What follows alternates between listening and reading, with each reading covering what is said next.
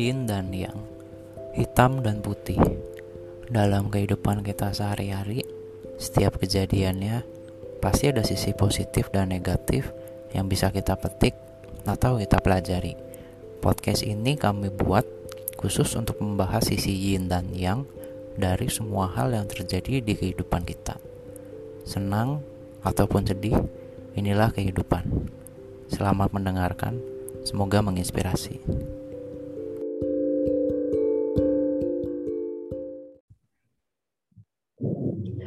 Oke guys, balik lagi ke podcast Intannya bersama gue Yuda. Dan juga saya Nabila.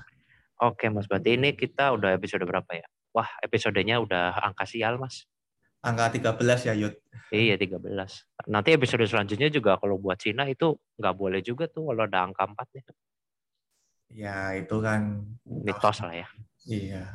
Nah, langsung aja guys dan Mas Nabil kita uh, di podcast episode ke-13 ini kita mau bahas tentang skill ya Mas ya. Ya, kita mau bahas tentang soft skill sama hard skill nih yang umum lagi di obrolin lah di kalangan pegawai dan juga mahasiswa. Betul. Ini kalau buat aku sendiri sih Mas lumayan berasa ya. Maksudnya eh ternyata perbedaan sangat mencolok gitu antara hard skill sama soft skill. Kalau hmm. menurut kamu sendiri, Mas, uh, sama mungkin buat uh, ini teman-teman juga ini mungkin ada yang belum tahu. Apa sih, Mas, menurut lu bedanya soft skill sama hard skill itu? Kalau menurutku sih lebih simpelnya gini sih, Yud. Soft skill itu kayak suatu keterampilan yang kita miliki yang bisa dipakai ketika kita menyesuaikan diri di tempat kerja gitu loh kayak hmm. kepribadian kita, ya, ya. kita, fleksibilitas gitu. Kalau hard skill kebalikannya dong, itu kemampuan Betul. hard skill kita untuk bekerja. Gitu. Iya, ya. Kalau menurut gue sendiri sih mas sama yang gue baca-baca di internet ya, intinya itu kalau hard skill itu something yang lu bisa pelajarin kayak misalnya kecepatan mengetik atau keterampilan lu pakai misalnya Microsoft Word, Microsoft Excel, gitu-gituan tuh mas. Mm-hmm. Nah kalau soft skill itu something yang lu nggak akan nggak akan bisa pelajarin atau nggak akan ada yang bisa ngajarin lu sampai lu bisa gitu. Itu tuh antara lu memang punya dari awal atau enggak si soft skill itu atau kalau memang misalnya lu nggak punya tinggal pilihannya lu sadar apa enggak kalau itu tuh sebenarnya penting gitu loh. Kayak betul. misalnya ya betul kayak yang kayak yang seperti apa yang tadi kamu omongin kayak leadershipnya dia gimana, manajemen waktunya dia gimana, dia bisa bekerja baik dalam tim apa enggak. Soalnya kan kita sok sekarang Mas uh, kita jujur-jujuran aja ya. Mungkin kita dalam hidup apalagi kalau kita udah bicaranya di ruang lingkup kerja atau uh, ini kantor gitu ya Mas ya. Pasti kan ada aja tuh orang yang hard skill-nya bagus tapi soft skill-nya jelek. Maksudnya dalam arti dia kalau kerja oke okay, bagus, tapi begitu misalnya disuruh kerjanya dalam tim, wah dia berantakan tuh. Itu kan banyak ya Mas ya? Banyak, dan kebanyakan memang orang-orang yang hard skill-nya bagus tuh eh, notabene itu bisa dikategorikan dipakai sama suatu perusahaan buat mimpin juga ada loh Yud. Kadang perusahaan butuh-butuh orang kayak gitu yang hard skill-nya lebih jauh daripada soft skill. Tapi ya itu nggak bertahan lama iya. gitu loh. Betul betul. Ya apalagi kalau kita udah dibilang jadi pemimpin ya karena yang sejauh yang gue tahu skill leadership itu termasuknya soft skill sih mas. Jadi maksudnya kan itu bukan something yang bisa lu pelajarin kan? Iya. Ya memang mungkin ada kuliah atau uh, pelajaran soal uh, ini leadership cuma kan itu bukan hard skill yang kayak lu ngetik atau lu ngomong atau gimana kan? Beda gitu loh Mm-hmm. Nah, langsung aja nih Mas eh, dan teman-teman, ini gue ada nyiapin satu artikel nih dari salah satu sumber yaitu artikel rumah123.com. Nah, ini di sini di dia nulisnya itu ada 10 skill dalam CV yang perlu atau wajib dicantumkan nih saat lamar pekerjaan. Jadi mungkin ini berguna nih buat teman-teman kita yang lagi ngedengerin kalau memang misalnya uh, lagi bener-benerin CV atau lagi pengen ngelamar kerja, ini kalian bisa nih mungkin uh, menuliskan juga atau menjadi uh, referensi kalian lah dalam menulis skill dalam CV. Nah mungkin ini kita bahas satu-satu ya Mas ya. Boleh, tapi terlepas dari CV, ini juga nggak mematok kita harus mempunyai ini untuk CV ya. Tapi iya, betul, sehari-hari juga ini hal yang paling wajib juga sih. Iya, makanya tadi gue bilang itu uh, jadi referensi aja gitu loh. Iya. Karena kan bisa jadi juga berguna nggak cuma buat di CV betul kata kamu tadi. Ya memang kalau bisa sih diterapin di kehidupan sehari-hari ya kan? Betul sekali. Nah langsung aja mas kita ke skill yang pertama nih yang tadi sebenarnya udah sempat kita singgung sedikit yaitu leadership skill atau uh, sikap kepemimpinan. Karena katanya di sini ditulis skill pertama yang wajib dimiliki. Kalau kita pengen dipilih sama si HR atau si rekruternya itu kita harus punya skill leadership yang baik nih. Padahal hmm. tapi uh, cuman gini ya Mas ya, kalau misalnya kita uh, percaya sama horoskop gitu, lo tau hmm. kan apa itu uh, horoskop? Tahu dong. Yang rasi bintang itu loh. Itu kan hmm. kalau di situ kan dibilangnya sih nggak semua nggak semua orang bisa jadi leader ya. Ya memang lah secara apa namanya kalau gue pikir ya secara logika sederhana aja nggak mungkin semua orang bisa jadi leader nah kalau semua orang jadi leader yang jadi bawahannya siapa masa leader semua kan nggak mungkin. Iya pada faktanya di lapangan sih memang nggak semua orang bisa jadi leader. Yang penting orang itu punya kemandirian dan desire yang tinggi sih. Nah itu penting berkembang dan belajar gitu loh. Iya apalagi kalau misalnya kita bicaranya apalagi kalau udah di era modern sekarang ya mas ya. Maksudnya itu banyak startup gitu-gitu ya. Kalau di startup kan yang pernah gua rasain sih lu nggak bisa tuh kayak ibaratnya kalau lu nggak punya minimal kemandirian lah ya kalau yang kalian tadi lu ngomong hmm. kalau itu orang nggak punya kemandirian terus kerjanya kebetulan kayak di startup gitu wah itu susah sih mas karena kalau di startup kan mungkin lu juga pernah ngerasain kan ya kerja di startup itu kan lu nggak bisa di babysit terus terusan kan hmm, maksudnya hmm. kayak lu dikasih order nih tampil uh, Yuda, lu kerja ini tas ada A B C D. Nah itu kan biasanya kan kalau di startup lu dikasih tas atau kerjaan kayak gitu, ya lu nggak bisa di babysit lu ngejainnya dari awal sampai akhir harus gimana kan? Iya. Lebih yeah. ke lu nya sendiri yang harus explore sendiri, harus mandiri sendiri atau bahasa yang paling sering gua dengar tuh harus proaktif sendiri. Ini cara ngerjainnya gimana? Itu kan? Mm-hmm. Nggak bisa tuh lu dituntun terus di disuapin terus gitu kan nggak bisa kan? Tapi ya disesuaikan lagi sih ketika orang itu soft skill-nya bagus, otomatis ya. dia akan menyadari sadar diri sih ketika leadership-nya memang kurang, ya berarti dia pasti akan memilih suatu pekerjaan yang memang tidak memungkinkan dia untuk memimpin atau cuman hanya mengeksekusi pekerjaan job desk-nya. Ya nah, kayak setuju. gitu doang gitu loh. Yang penting dia sadar diri gitu loh. Iya, iya, setuju. Oke, langsung kita ke yang kedua yaitu ini menurut menurut aku juga lumayan krusial nih mas yaitu masalah manajemen waktu. Sekarang kalau kita ngomongin di, di kerjaan di kantor ya mungkin terutama. Masalah manajemen waktu kenapa menurut aku penting? Karena aku nih kan mungkin kalau dari segi karir kan belum terlalu lama juga ya. Masih aku baru berkarir total udah udah empat tahun sekarang. Jadi mungkin masih belum terlalu lama juga lah. Apalagi kalau dibandingkan sama orang yang udah kerja belasan atau mungkin puluhan oh. tahun ya tapi seenggaknya dari empat tahun aku kerja, aku tuh sering sekali ngeliat dan maksudnya di semua tempat kerja kayaknya pasti ada orang yang manajemen waktunya tuh jelek. Jadi maksudnya tuh kayaknya dia dari segi jumlah pekerjaan yang harus dia kerjakan, kalau menurut aku sih nggak terlalu banyak. Tapi kok aku kalau ngeliat itu orang kok kayak ini orang kenapa kayak kayak yang keteteran banget gitu ya maksudnya kok kayak dulu pas gua ada di posisi dia kan gue juga ngerjain tas yang lebih kurang sama Iya. Tapi karena gue bisa manajemen waktu seenggaknya lebih bagus dari dia.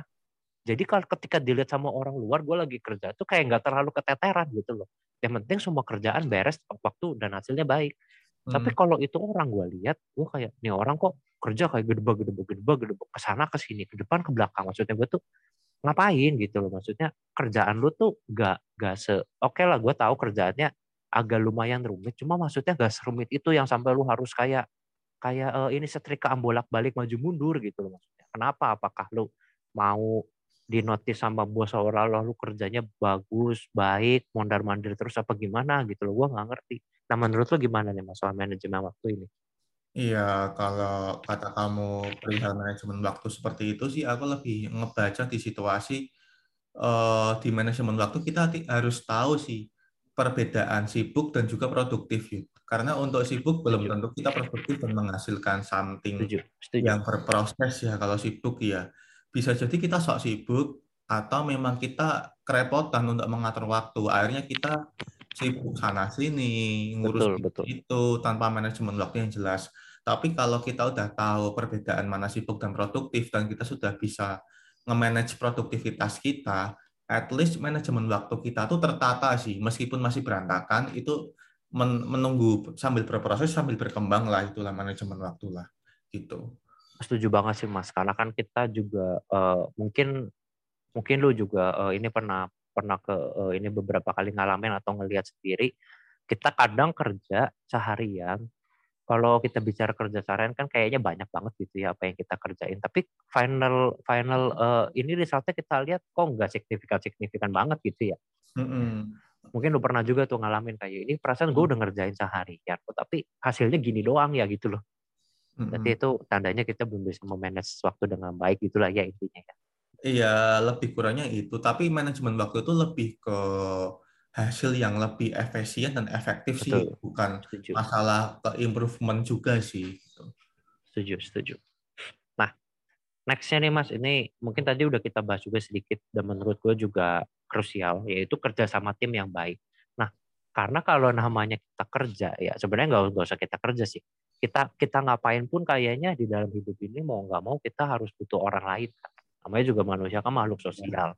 Hmm. Se introvert introvertnya orang itu pasti butuh orang lain ya gak sih mas? Apalagi kalau kita udah ngomonginnya di dunia kantor atau di dunia kerja, lu nggak akan ada tuh yang namanya kerja individually sejago-jagonya lu selama ini gua kerja ngelihat orang hebat itu pasti ada timnya nggak mungkin dia kerja sendiri uh, maka dari itu dia pasti butuh skill kerjasama tim yang baik karena sekali lagi gue juga pernah bahkan sering ngelihat orang di tempat kerja gue tuh ya itu tadi yang sempat gue bahas. Kalau dia worksnya individually atau kerjanya buat dia sendiri atau buat kerja dia sendiri, itu dia kerjanya bisa di, bisa dibilang oke. Okay. Tapi begitu dia harus berbaur sama tim lain, itu udah berantakan kacau hasilnya. Karena kan mas kalau namanya kita di kantor kan pasti divisi kita tuh nggak mungkin berdiri sendiri kan. Pasti hmm. ngegandeng atau pasti mempengaruhi kinerjanya divisi lain. Hmm. Jadi kalau kinerja divisi kita jelek, itu pasti ngaruh ke divisi lain kan itu itu yeah. yang selama ini gua gua rasain tuh kayak yang adalah satu atau dua orang kayak yang anjing kok lu kerjanya gini amat ya maksudnya tuh kalau lu kerja kayak gini ya tolong jangan egois dong karena kan nanti yang kepengaruhnya tuh atau yang dapat eh, apa namanya imbas jeleknya itu tuh nggak cuma lu doang loh ada tim-tim lain gitu loh maksudnya kenapa lu nggak kenapa tidak berpikir ke sana gitu loh ya itu tandanya dia kalau individual mungkin bisa dibilang oke okay, tapi wayahnya masuk ke tim berantakan. Nah, lo pernah nggak mas ngalamin kayak gitu?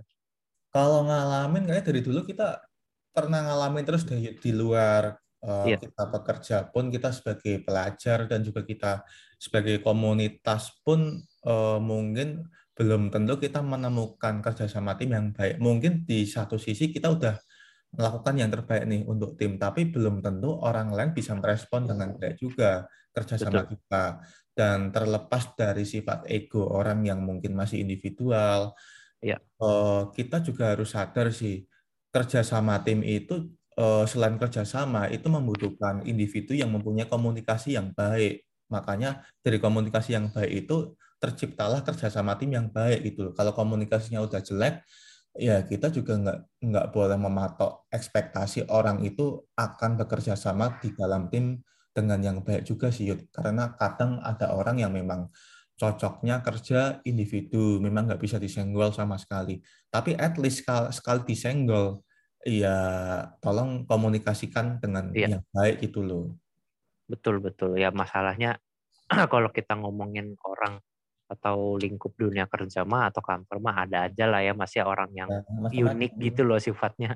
Mm-hmm. Yang udah mau disentil kayak apa aja ya kayak nggak sadar-sadar juga ada lah ya. Oke, okay, next nih. Oh ya Mas, kita mungkin sekalian biar seru kita nanti habis kalian nyebutin skillnya, kita langsung uh, ini ya uh, nebak atau sekalian menentukan ini jatuhnya ke hard skill atau soft skill gitu ya. Boleh. Mungkin tadi yang pertama leadership itu udah jelas soft skill. skill. Manajemen waktu soft skill juga. Hmm. Kerja sama tim yang baik tadi soft skill juga. Hmm. Nah ini yang keempat nih bekerja di bawah tekanan ini mah soft skill juga soft jelas nggak bisa diajarin itu. Yeah. Tapi itu juga penting. Kenapa? Karena um, yang gue lihat dan gue rasain ya yang namanya kerja itu pasti ada saat di mana seolah-olah lu tuh seharian lu kayak kayak nggak berhenti kerja mas. Lu pasti pernah ngerasain. Jadi ketika lu kerja misalnya dari jam 8 sampai jam 5 atau jam 9 sampai jam 6, itu lu bener-bener nonstop bahkan kadang lu makan siang aja istirahat makan siang aja lu kayak nggak bisa gitu kayak aduh gue buru-buru istirahat nih gue masih banyak kerjaan nih gitu loh atau atau mungkin pernah juga lu ngalamin lu kerja tapi di sebelah lu atau di belakang lu tuh langsung diliatin sama bos lu nah itu kan itu kurang kurang eh, ini pressure apa gitu loh tapi kan kita tetap Iya. dituntut harus bisa kerja dengan baik dan menghasilkan hasil kerja yang baik kan nah lu pernah ngalamin gak mas yang seperti itu Pernah sih. Dulu itu aku juga pernah mengalami burn burnout. Yud. Jadi kalau benar-benar udah capek, kerjaan juga banyak, deadline-nya mepet tuh. Jadi waktu istirahat itu kita sudah semaksimal mungkin ngatur waktu, tapi itu udah benar-benar nggak ketolong lagi. Manajemen waktu kita itu hancur sama sekali gitu loh. iya Nah, betul betul eh, mungkin definisi bekerja di bawah tekanan itu sama dengan kita harus bisa manajemen mental dan emosional sih ketika kita tidak dikasih space dan eh, waktu spare waktu lah untuk istirahat dan juga kita udah mengatur mengalokasikan waktu tapi tetap nggak berjalan dengan semestinya dan itu kerjaan harus benar-benar siap ya kita harus siap-siap emosi aja sih sama mental sih jangan sampai kita down karena kan betul betul terlepas eh, mungkin disclaimer-nya terlepas kita kerja kantoran, kita sebagai freelance, kita sebagai pendalaman passion kita, hal pekerjaan di bawah tekanan itu nggak akan lepas Yud, pasti apa pun pekerjaan kita gitu loh. Iya, ya karena yang namanya nggak usah kerja lah ya. Yang namanya hidup pasti ada masalah sama ada eh, ini tekenan kan. Makanya Betul. kenapa wajib wajib kalau buat gua orang bisa punya skill ini kenapa? Karena meskipun lu nggak di tempat kerja, lu lagi lagi menjalani kehidupan lu sehari-hari. Once lu ada Nah, masalah atau ada tekenan, benar. masa masa langsung emosinya labil terus langsung ngambil keputusan saya enaknya kan nggak bisa. Iya, Maka dari itu penting banget bisa tetap berpikir jernih ketika lu dalam tekanan. Oke, mungkin lu stres sesaat. Pasti wajar lah itu manusiawi. Tapi betul. gimana lu bisa me, apa ya, memanage si stres itu biar nggak berkembang lebih jauh, akhirnya menutupi akal sehat lu dan juga hati nurani lu gitu kan intinya. Nah, gimana kita merespon situasinya gitu loh. Betul. Nah, next nih Mas, ini kayaknya dari lima skill pertama ini doang nih yang hard skill, Skill ya. yaitu skill dalam CV untuk menghitung angka. Ini mah udah jelas hard skill nih. Nah, skill ini. tapi tapi kan gue awal awal awal baca kan gue pikir kan nggak semua divisi butuh buat ngitung angka gitu kan gue pikir gitu. Hmm. eh ternyata benar di artikel ini juga di paragraf 2 nya di sini dibahas ternyata terutama untuk pegawai atau orang yang kerjanya tuh di bidang finansial gitu mas. Yang perlu hitung hitungan duit atau gimana gitu wajar wajar wajar. Punya kehitungan eh, punya skill menghitung angka gitu. Menurut lu gimana nih? Lu kayaknya kalau kalau kita udah ngomongin angka atau ngitung angka lu kayaknya agak lemot ya mas ya Wah, lemot banget. Aku jujur untuk hard skill yang masalah menghitung angka agak lemot. Pas bisa-bisa, cuman lemot. Yang penting logika aja sih, Yud. Meskipun hitung-hitungan agak lemot, yang penting logika jalan. Tapi kalau kalau ngitung angkanya duit mah cepet ya Mas ya. Kalau duit, duitnya Kalau duit tergantung juga. Banyak enggak? Iya iya, iya makanya. Kalau cuman kayak perkalian kayak misalnya 16 kali 6 mungkin lu lama, tapi kalau udah duit cepet pasti orang-orang. Cepet pasti nangkap. Nah, nextnya nih Mas, kayaknya next kalau buat gue sih ini kayaknya hard skill juga ya, tapi mungkin nanti kamu punya pendapat lain, yaitu soal bahasa asing. Hmm. Nah, menurut lu ini lebih ke hard skill atau soft skill? Kayaknya hard skill ya. Eh, bahasa asing itu hard skill sih, Yud. Lebih tepatnya. Karena kalau soft skill agak kurang masuk. Betul, Soalnya kan karena kan ini bisa dipelajari. Iya, bisa dipelajari yang pertama. Meskipun nggak dipelajari pun kita udah dituntut sekarang sih, karena bahasa Inggris itu penting. Meskipun aku nggak bisa Betul. bahasa Inggris, tapi setidaknya bahasa Inggris cowboy dan juga introduction juga ya lumayan lah. Inggris Itu, cowboy. itu Iya, harus penting sih, harus kita pelajari juga sih. Di artikel ini Mas dibahas katanya tuh kan sekarang udah pasti bahasa multinasional atau internasional kan Inggris ya. Mm-mm. Tapi katanya ada lagi nih sekarang ada empat bahasa lain selain Inggris yaitu Spanyol, Jepang, Cina, sama Perancis. Kalau gua sih Mas jujur ya keempat bahasa ini gua nggak ada yang bisa sih. Paling selain Inggris yang lagi gua sekarang belajar tuh Korea sih. Korea Selatan ya tapi bukan Korea Utara ya bener gitu. Aku sekarang lagi sedikit-sedikit belajar nih bahasa Korea. Gue udah lagi bisa nulis eh, abjadnya. Jadi dari A sampai Z-nya gue udah bisa. Cara bacanya gue udah bisa tinggal gue belajar kosakatanya doang nih kalau Betul. ini artinya apa kalau ini artinya apa nah kalau lu mas mungkin ada pengalaman pernah belajar bahasa asing apa nih selain bahasa Inggris Aku dulu suka belajar bahasa Jepang gitu karena di waktu SMA kan ada materi pelajaran bahasa Jepang ya. oh ada ya Ada sampai sekarang pun aku masih ingat. anjir gokil keren Ya, itu lebih agak ribet sih, Yud, karena apalannya banyak banget kosakatanya. Mungkin Iyalah, lebih banyak pasti. kosakata dalam bahasa Jepang daripada bahasa Inggris, Yud.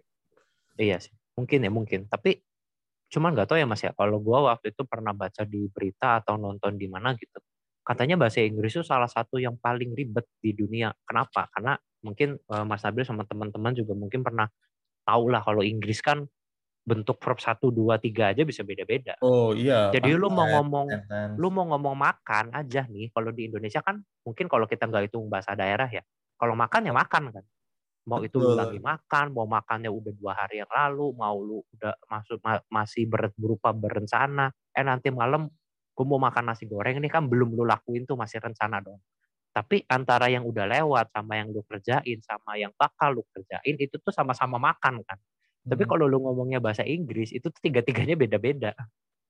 Antara lu lagi makan sekarang atau lu udah makan kemarin atau yang udah lewat sama lu mau makan. Itu tuh beda-beda tiga-tiganya. Itu bikin ribet tuh makanya. Dan harus apa loh, Yud, itu? harus apa iya.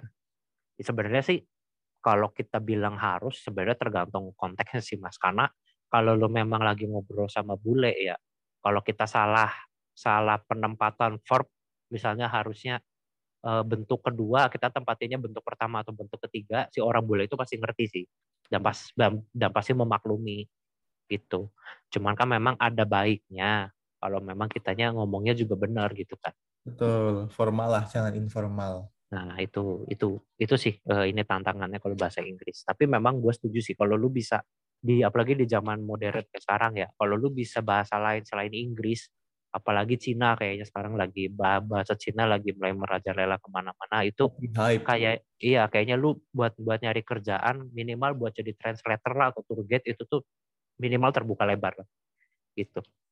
Mm-mm. Nah, next nih Mas, ini kayaknya hard skill lagi. Jadi untuk tujuh pertama tuh kita empat soft skill, tiga hard skill.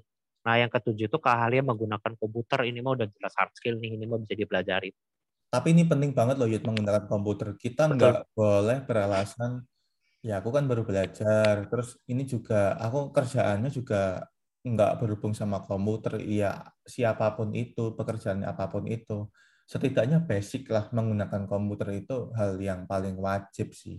Iya, apalagi kalau di, di sekarang kayaknya minimal wajib orang tuh bisa office lah ya. Minimal Office. tuh minimal tuh Word, Excel, PowerPoint. Udah tiga itu dulu deh, lu harus kuasain. Oh.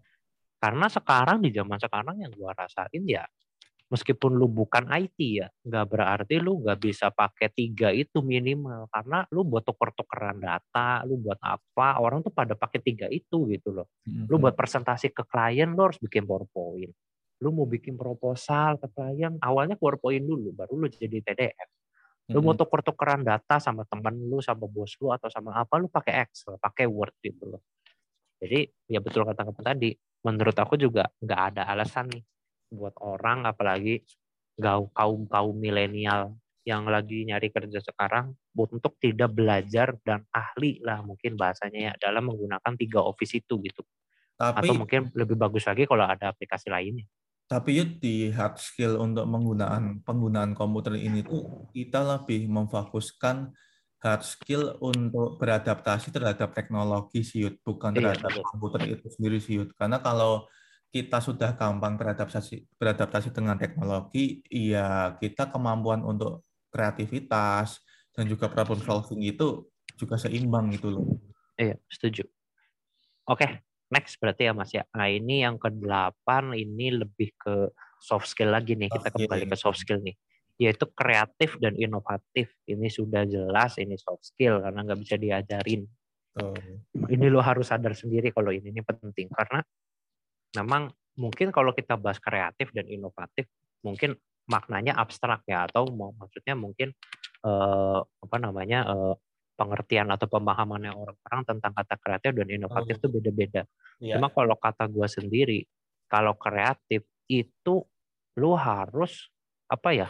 Ketika mungkin misalnya lu di kantor, lu ada satu masalah atau ada satu task yang lu mungkin belum tahu gimana cara ngerjainnya, tapi akhirnya lu berkreatif sendiri, berkreasi sendiri, entah itu pakai logika apa gimana, terus lu bisa ngerjain gitu loh. Dan either itu nanti hasilnya apakah langsung 100% benar atau ada salahnya tapi sedikit. Nah menurut gua itu udah masuknya ke ke uh, ini sisi kreatif tuh nggak nggak jadi bingung harus ngapain harus gimana gitu sementara kalau inovatif namanya juga inovatif berarti itu lebih kayak ke apa namanya uh, lu bisa menciptakan atau lu minimal ngasih ide lah untuk sesuatu yang baru atau inovasi yang baru kayak misalnya di misalnya lu kerja di bidang F&B di F&B atau restoran tempat lu kerja misalnya ada 10 menu makanan, ada 5 menu minuman. Nah, ketika lu bisa berinovasi atau minimal lu ngasih ide deh, lu lu ngasih ide ke chefnya, apa lu ngasih ide ke ownernya bahwa bos kayaknya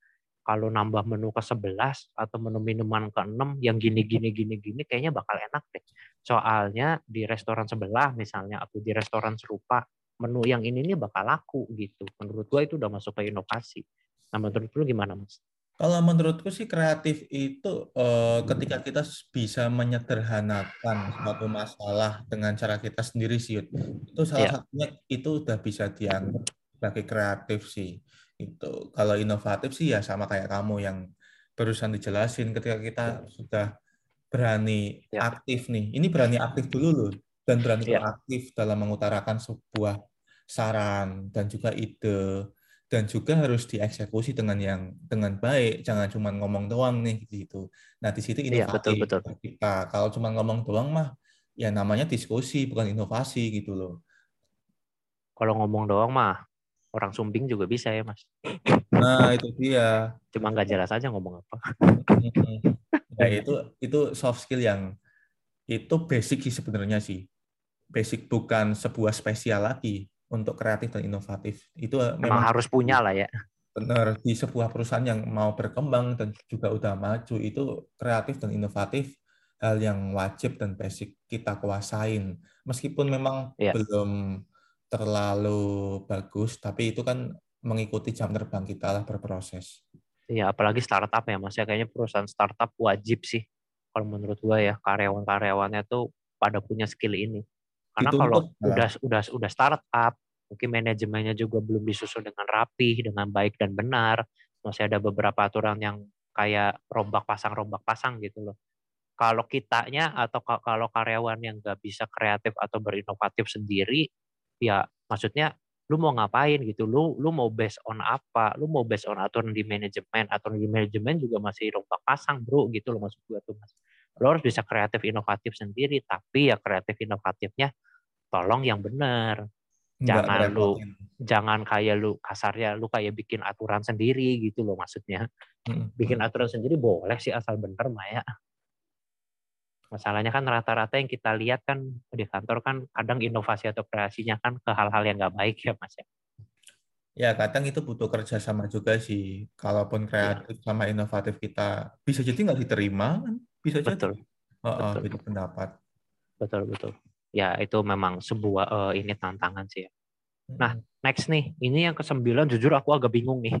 Ini masuk ke hard skill apa soft skill ya? Karena kalau menurut aku sih ini kayaknya lebih ke kayaknya hard skill sih ya. Tapi mungkin coba Mas, barangkali lu ada pendapat lain. Yang kesembilan itu menganalisa dan mengolah data. Menurut lu ini hasil apa soft skill? Kalau untuk menganalisa dan mengolah data sih ini lebih ke hard skill sih. Iya, kayaknya hard skill sih ya. Hard, hard skill. Uh -uh. Iya sih. Ya, gue juga di di kerjaan gue yang sekarang, apalagi di kerjaan gue yang sekarang, berkaitan banget lah sama yang namanya data, entah itu data dari internal atau data dari klien. Karena kan aku kan kerjanya sekarang bersentuhan banget sama klien nih, mas. Jadi ada aja lah data atau informasi yang dikasih sama mereka, kan harus tak olah dulu harus tak harus tak analisa dulu satu-satu harus diolah dulu yang benar. Apalagi sebelum dibikin report buat bos kan. Karena kan kita nggak mungkin ngasih report buat bos mm-hmm. datanya mentahan kan.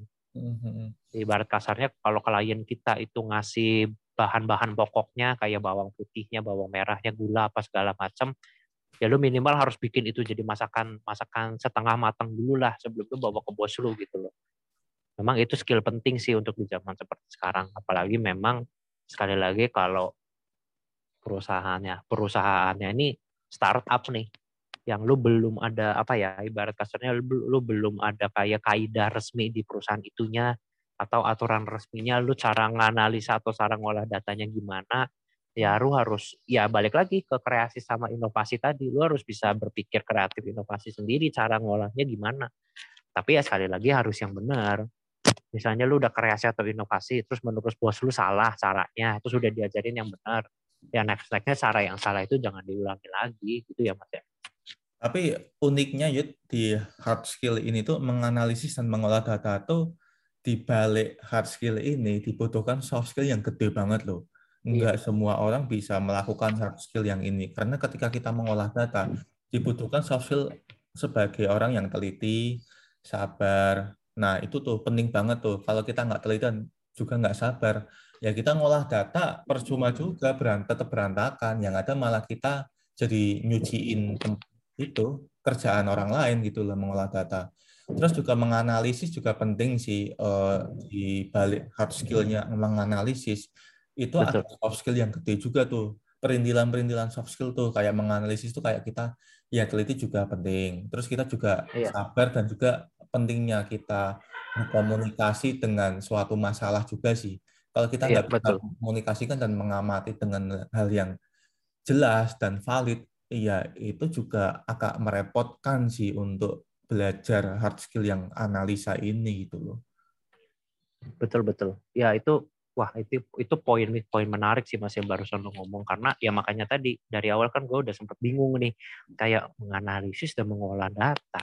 Harusnya sih itu ke hard skill ya, tapi kok gue feelingnya ini ada beberapa soft skill yang main juga nih di sini gitu loh. Iya. Ya, seperti misalnya tadi kayak teliti apa segala macam kan. Betul betul. Karena kalau misalnya kita nggak teliti, ada data yang miss, misalnya si klien ngasihnya 10 datanya, tapi karena kita nggak teliti, entah pas meeting apa gimana, kita nangkepnya cuma 8. Jadi yang kita olah, yang kita kasih ke bos kita cuma 8, padahal hasilnya 10. Itu kan bisa batal ya. Nah, itulah pentingnya Yud. Ketika kita sudah memiliki soft skill, ya kita untuk mencapai hard skill itu kita harus seimbang. Dan kita harus beriringan dengan soft skill tuh. Jangan sampai betul betul. kita Setuju. hanya punya hard skill tapi soft skillnya jelek. Yang ada itu orang gampang ego nggak nggak bisa menjaga komunikasi dan juga malah jadi toxic environment di lingkungan kerja malah orang-orang seperti itu. Betul. Nah kita ke yang terakhir nih mas ke yang 10 nah ini buat aku mah ini sudah jelas ini soft skill yaitu kemampuan memilih keputusan yang tepat. Itu soft skill ya, Mas? Soft skill sih ini. Nah, ini berarti dari 10, 6-nya soft skill, 4-nya hard skill. Nah, kalau kita bahas yang skill yang ke-10 ini, Mas, yang mengambil keputusan dengan tepat, buat gue juga ini penting banget sih buat dimilikin sama kita. Apalagi kalau kita udah bilangnya keputusan yang tepat, itu mah nggak cuma buat di kehidupan di kantor doang, setiap kehidupan kita yang namanya manusia itu pasti kita dihadapin sama pilihan-pilihan kan. Iya. Mungkin mungkin gak usah yang berat-berat ke kehidupan di kantor atau pekerjaan dulu deh. Mungkin lu bangun pagi aja, itu lu udah ngambil keputusan tuh. Ah, hmm. gue pengen bangun jam segini. Ah, itu kan lu udah dari beberapa pilihan, ya. lu bisa bangun dari berbagai atau beragam jam. Lu akhirnya milih satu yang menurut lu itu paling tepat. Akhirnya lu ngambil keputusan dan lu bangun jam segitu gitu. Itu kan itu itu itu lu udah ngambil keputusan. Terus abis lu bangun, lu mau ngapain? Apakah lu mau sikat gigi dulu atau cuci muka dulu atau langsung sarapan dulu atau mandi dulu? Itu juga udah ada beberapa pilihan tuh. Dan kita juga di situ kita udah ngambil keputusan kan. Misalnya ah gue mau mandi dulu ah gitu kan ya Mas ya. Dari hal-hal kecil gitu aja kita udah sebenarnya harusnya sudah terbiasa dan terlatih yang namanya manusia tuh untuk ngambil keputusan. Tapi kalau masuk ke lingkungan kerja ini lebih ekstrim lagi nih, lebih kompleks lagi nih. Nah, lu pernah nggak mas ngalamin ini? Tapi Yud, aku mikir itu nggak semua orang itu berani mengambil soft skill memperdalam ini loh Yud. So, nggak iya, semua betul. orang itu uh, berani untuk mendalami menjadi decision maker yang baik itu gimana? Karena ada loh Yud, Betul. orang yang takut mengambil keputusan itu ada.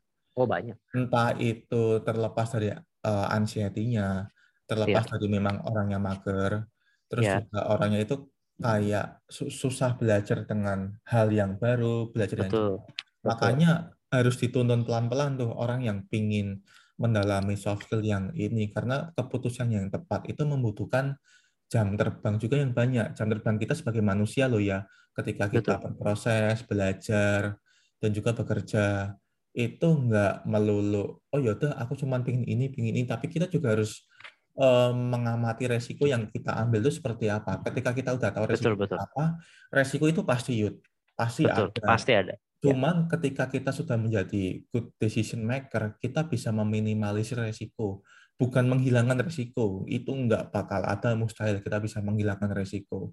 Karena ke satu keputusan yang kita tentuin sekarang, jam sekarang pun itu bisa menentukan lima tahun ke depan itu kita mau jadi apa, Setuju. kita ngapain. Setuju. Makanya meskipun lima tahun ke depan kita mengalami hal, mengalami hal yang buruk terhadap keputusan kita di masa lalu, it's okay dan itu hal yang normal karena itu hanya resiko dan itu memang dibutuhkan resiko itu. Cuman gimana kita ya. merespon resiko itu dengan tepat dan juga meminimalisir resiko itu itu dibutuhkan soft skill yang bagus ya soft skill memilih keputusan yang tepat ini. Betul betul. Ya benar sih mas kata lu bahwa intinya kan yang namanya hidup hidup tuh pilihan di setiap step di hidup kita bahkan hal-hal kecil kayak cuma bangun tidur atau mandi kayak kayak tadi udah gue jelasin di situ tuh lu udah ngambil sebuah, sebuah keputusan dari beberapa macam pilihan. Iya. berarti hidup itu pilihan dan setiap pilihan pasti ada resikonya. Makanya hmm. itulah tadi kenapa penting buat kita nganalisa dulu. Kira-kira kalau gue pilihnya yang A hasilnya bakal gimana ya buat gue ke depannya? Kalau gue pilihnya B gimana ya? Gitu kan. Sebelum akhirnya lu memutuskan atau lu memilih kemudian akhirnya lu konsekuen sama apa yang udah lu pilih. Karena memang betul kata kata uh, kata lu tadi mas bahwa banyak sih orang yang gue lihat juga nggak cuma di tempat kerja sih di kehidupan gue sehari-hari pun banyak orang yang udah ngambil keputusan tapi wayahnya atau saatnya konsekuensinya datang dia nggak mau dia nggak mau tanggung jawab tuh ada tuh yang kayak gitu banyak. malah nyesel. Iya mau mending kalau cuma nyesel mas ujung-ujungnya nyusahin orang lain banyak tuh yang kayak gitu. Sebenarnya akhirnya kayak Iya, hal iya, kayak gitu Yud itu nggak apa-apa Yud. Mungkin uh, aku sendiri ya yang masih berproses. Kita juga masih berproses Yud sama-sama iya, iya. belajar. Kayak menyadari adanya konsekuensi itu itu hal yang sangat wajar Yud. Dan ujung-ujungnya aman kok kita kok. Karena meskipun kita mengambil keputusan yang salah tetap ada pilihan kan kata kamu ya udah. Betul setelah itu ini salah nih. Ya udah nextnya kita pilih yang baik ya. Lah ujung-ujungnya kita aman dong. Aman kecuali itu menyangkut hidup dan mati loh ya. Nah iya sih. Berat kalau udah ngomong hidup dan mati mas. Nah oke okay, mungkin itu aja ya mas ya dari 10 skill tuh tadi yang uh, mungkin bisa dipertimbangkan. Dan menurut gua sih juga memang penting ya mas ya untuk si 10 skill itu. Kalau memang lo bisa punya 10 10-nya dan untuk closing Mas, mungkin kita coba tarik kesimpulan ya Mas ya. Mm-hmm. Mungkin mungkin dari gua dulu nih. Kesimpulannya adalah hard skill sama soft skill kalau kita bicaranya di dunia kantor atau di dunia pekerjaan, dua-duanya penting. Tapi kalau gua suruh pilih salah satu, apakah gue pengen bekerja sama atau bekerja di dalam sebuah tim yang orang-orangnya itu hard skillnya bagus tapi soft skillnya jelek, atau pilihan keduanya orang-orangnya tuh soft skillnya bagus tapi hard skillnya jelek, gue lebih pilih yang kedua. Gue lebih pilih yang soft skillnya bagus tapi hard skillnya jelek. Kenapa? Karena secara singkat, mungkin tadi udah dibahas panjang lebar juga. Pokoknya intinya secara singkat, kenapa lebih mending yang kedua? Karena kalau hard skill jelek masih bisa dipelajarin. Yang penting orangnya pengen belajar dan orangnya memang uh, ini dedikasi, pasti bisa diajarin hard skill apa pun. Tapi kalau udah soft skill itu kayak yang kayak yang gue bilang tadi di awal mas itu either lu punya atau enggak itu doang. Dan kalau lu nggak punya pilihannya balik lagi. Kalau lu sadar atau enggak kalau itu tuh sebenarnya penting. Karena rata-rata orang yang udah gue temuin udah soft skillnya nggak punya terus dia nggak sadar kalau itu penting ya udah. Hidupnya akhirnya sekarap sendiri gitu loh. Dia ngerugiin atau nyakitin orang juga dia bodo amat. Yang penting gue kerjanya bener kok gitu. Nah kalau lu gimana mas Aku setuju sama kamu, cuman tetap ada disclaimer-nya ya, itu yeah. tetap dibutuhkan di dunia kerja atau enggak, soft skill atau hard skill, terlepas yeah. dibutuhkan atau enggak, kita juga harus bisa menyesuaikan. Karena yuk kadang ada pekerjaan yang benar-benar membutuhkan hard skill-nya doang. Itu ada yuk. Ada nggak sih butuh soft skill nggak butuh apa. Tapi at least tolong ketika kita sudah di tempat zona seperti itu, uh, setidaknya jiwa komunikasimu itu nyaman dan nyambung gitu loh untuk berkomunikasi Betul. antara orang, antar divisi ketika memang dibutuhkan lebih ke hard skill ya dibanding soft skill ya. Iya, Tapi iya. memang umumnya dibutuhkan di sini, apalagi di Indonesia yang mungkin orangnya suka gotong royong, terus juga makhluk sosialnya banyak banget nih di Indonesia nih ya kita tetap mengedepankan soft skill ya di sini ya gitu. Iya betul setuju. Oke mas, uh, mungkin uh, mungkin itu aja ya Mas ya untuk episode kali ini. Nah, untuk teman-teman yang sudah mendengarkan terima kasih. Mungkin mungkin itu kesimpulan eh, singkat dari gue sama Mas Nabil. Ya. Kalau kalian ada kesimpulan sendiri tentang hard skill itu apa, soft skill itu apa, dan kalian kalau misalnya di dunia kerja atau di luar kerja deh di kehidupan kalian sehari-hari, hmm. kalian lebih lebih prefer bergaul atau sama-sama orang yang uh, bersama-sama orang yang lebih condong ke soft skill atau condongnya ke hard skill itu kita balikan lagi ke kalian karena itu nanti ujung-ujungnya balik juga ke diri kita masing-masing. Iya. Oke, mungkin hmm. untuk episode kali ini cukup sekian. Gua Yuda pamit. Dan juga saya Nabila pamit. Oke, terima kasih guys. Bye-bye. Bye.